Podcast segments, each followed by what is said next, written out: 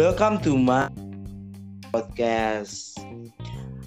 Sobat HM Podcast, pada kali ini di episode kedua kita pada kali ini bersama saya Hans Marvel dan tetap bersama siapa ini? Fani dengan saya Fani dengan saya Ya. Fani yang Ya. Fani, ya. Para pemirsa HM Podcast, pada kali ini judul podcast kita pada hari ini adalah dari pertemanan biasa menjadi teman sejati. Ya, kadangkala kita itu sering dihadapkan dengan masalah persahabatan yang di mana teman kita itu sekali baik di luar tapi jelek di dalamnya sering kali HM eh, para pendengar HM podcast ini sering kali mengeluh. Kenapa sih banyak teman-temanku yang sering kali eh, yang mulai mendekati aku baik-baik baik sama aku? Ternyata dia itu buruk. Dia itu selalu menjengkelkan aku di belakang aku dia selalu menghina aku. Contohnya seperti seperti aku ya. Seringkali dibully dihadapkan dalam situasi pembulian dibully oleh teman terus teman-teman pura-pura baik sama aku padahal akhirnya dia baik sama aku pada akhirnya dia minta aku nuduh aku jadi menurut kamu gimana Fanny? Oh, jadi menurut saya gini, Ha. Jadi kalau kita ya kita dapat teman yang begitu, itu lebih baik kita jauhi tapi kita tidak berteman dengannya. Eh, Sebagai contoh gini, misalnya kita lagi ada masalah dan kita tahu kalau misalnya eh, kalau kita misalnya masih ada masalah dengan hubungan dengan keluarga kita ataupun dengan sekolah kita, kita mau cari solusi, kita jangan cari ke teman yang be- teman yang sedemikian, tapi kita dengan, berteman dengan teman yang dekat dengan kita dan bahkan bisa jadi sahabat kita karena sahabat itu jauh lebih lebih bisa dipercaya. Dan untuk mengatasi uh, teman yang Hans Hans bilang untuk untuk masalah untuk teman yang jelek yang mempunyai uh, sifatnya yang agak kurang bagus untuk kehidupan masyarakat itu bisa diakali dengan kita bisa kasih tahu kepada dia. Uh, maaf ya teman. Kalau misalnya anda tidak suka dengan saya, mungkin Anda bisa kasih lang kasih kasih tahu saya. Lebih mendingan Anda langsung terus terang kepada saya saja. Itu akan jauh lebih baik.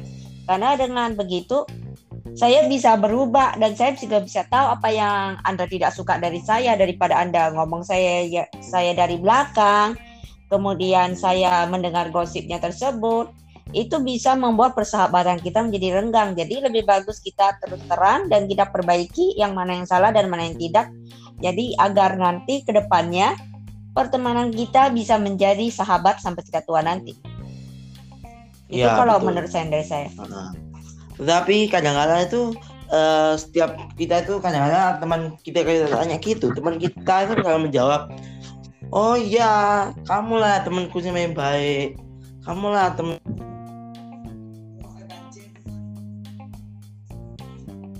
Oh kalau untuk Iya, masalah kamu teman ya teman kita ya. gini Kadang-kadang, kadang-kadang kita tuh tidak dalam situasi kayak gitu kita harus menghadap harus bagaimana, gitu loh Van. Kita harus bagaimana menghadap cara eh, membalasnya.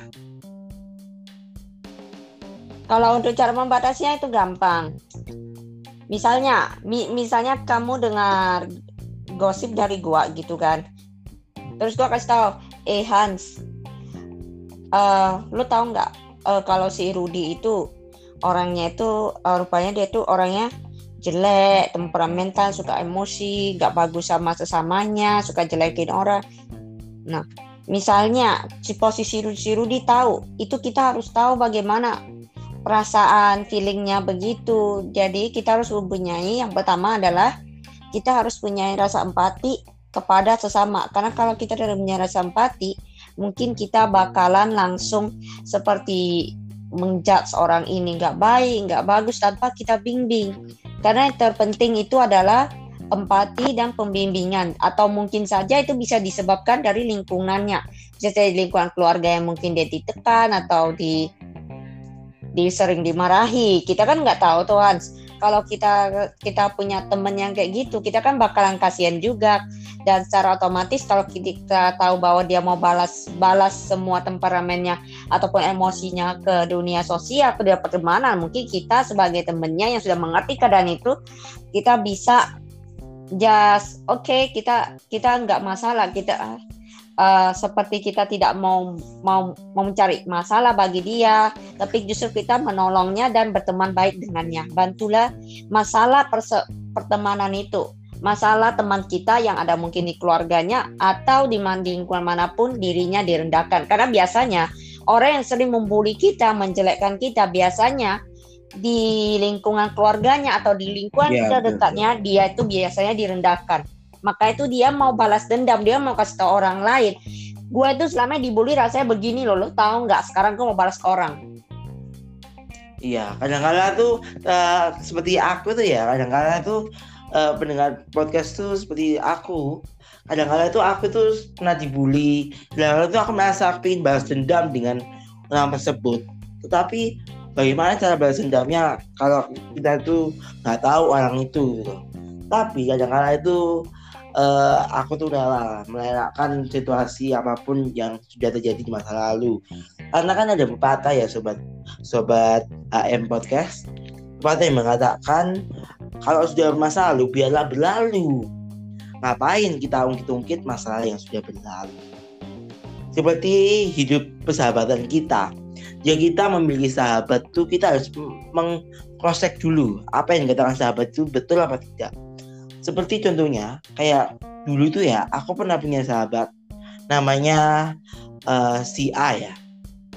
Si A ini sangat baik sama aku. Setiap kali apa yang dia omongin, aku selalu percaya sama dia.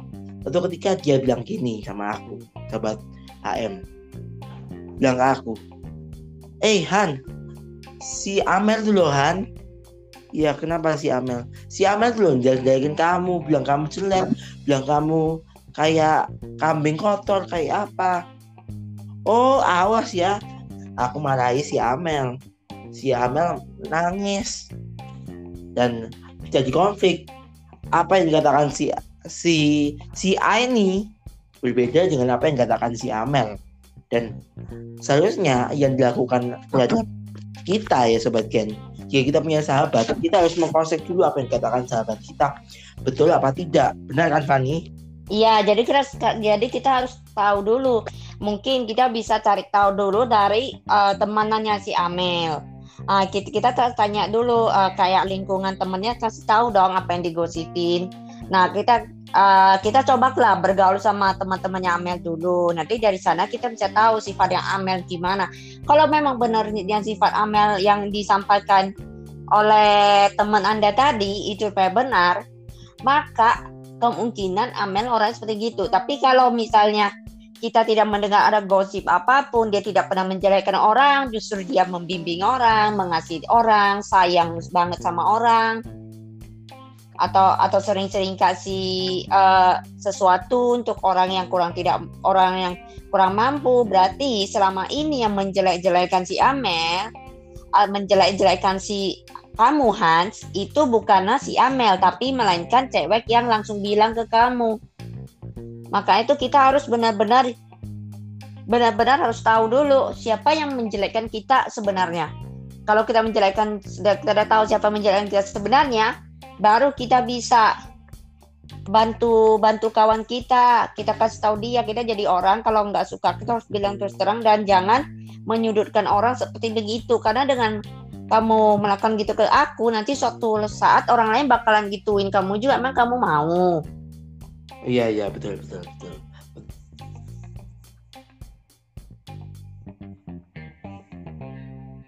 Sobat Gen, Sobat Gen ini kepingin tak Gen HM Podcast ini tahu gimana sih uh, cara memilih pertemanan yang baik, yang buruk, gimana itu? Karena kan kita kan nggak bisa lihat orang dari luar luarnya saja, kita harus bisa me memasuki orang itu, kita harus menjadi temannya terlebih dahulu. Jadi kita itu gimana cara memilih teman yang baik dan buruk? Itu Fani. Caranya itu yang pertama kita bisa lihat dari penampilannya. Itu yang pertama. yang kedua kita bisa lihat dari uh, lingkungan pergaulannya. Karena kan sebelum kita temenan sama dia kita kan udah tahu oh misalnya si A ini keluar berasal dari keluarga siapa dan temennya itu kira-kira seperti apa kita udah tahu. Ya jadi kita bisa tahu uh, orang ini gimana. Karena biasanya pe, sifat kita itu cenderung hampir sama dengan pertemanan yang di sekeliling kita Nah, tapi bagi kita yang belum tahu dia itu berasal dari keluarga mana dan siapa, kita belum pernah bahkan untuk live aja pun kita belum pernah ketemu. Mungkin kita bisa lihat dari penampilannya.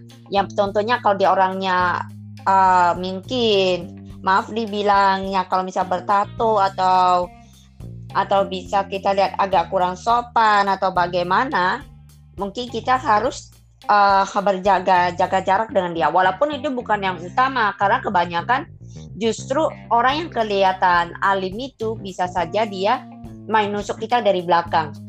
Jadi kalau untuk uh, first impression ya, ya. kita mungkin bisa lihat dari penampilannya dulu.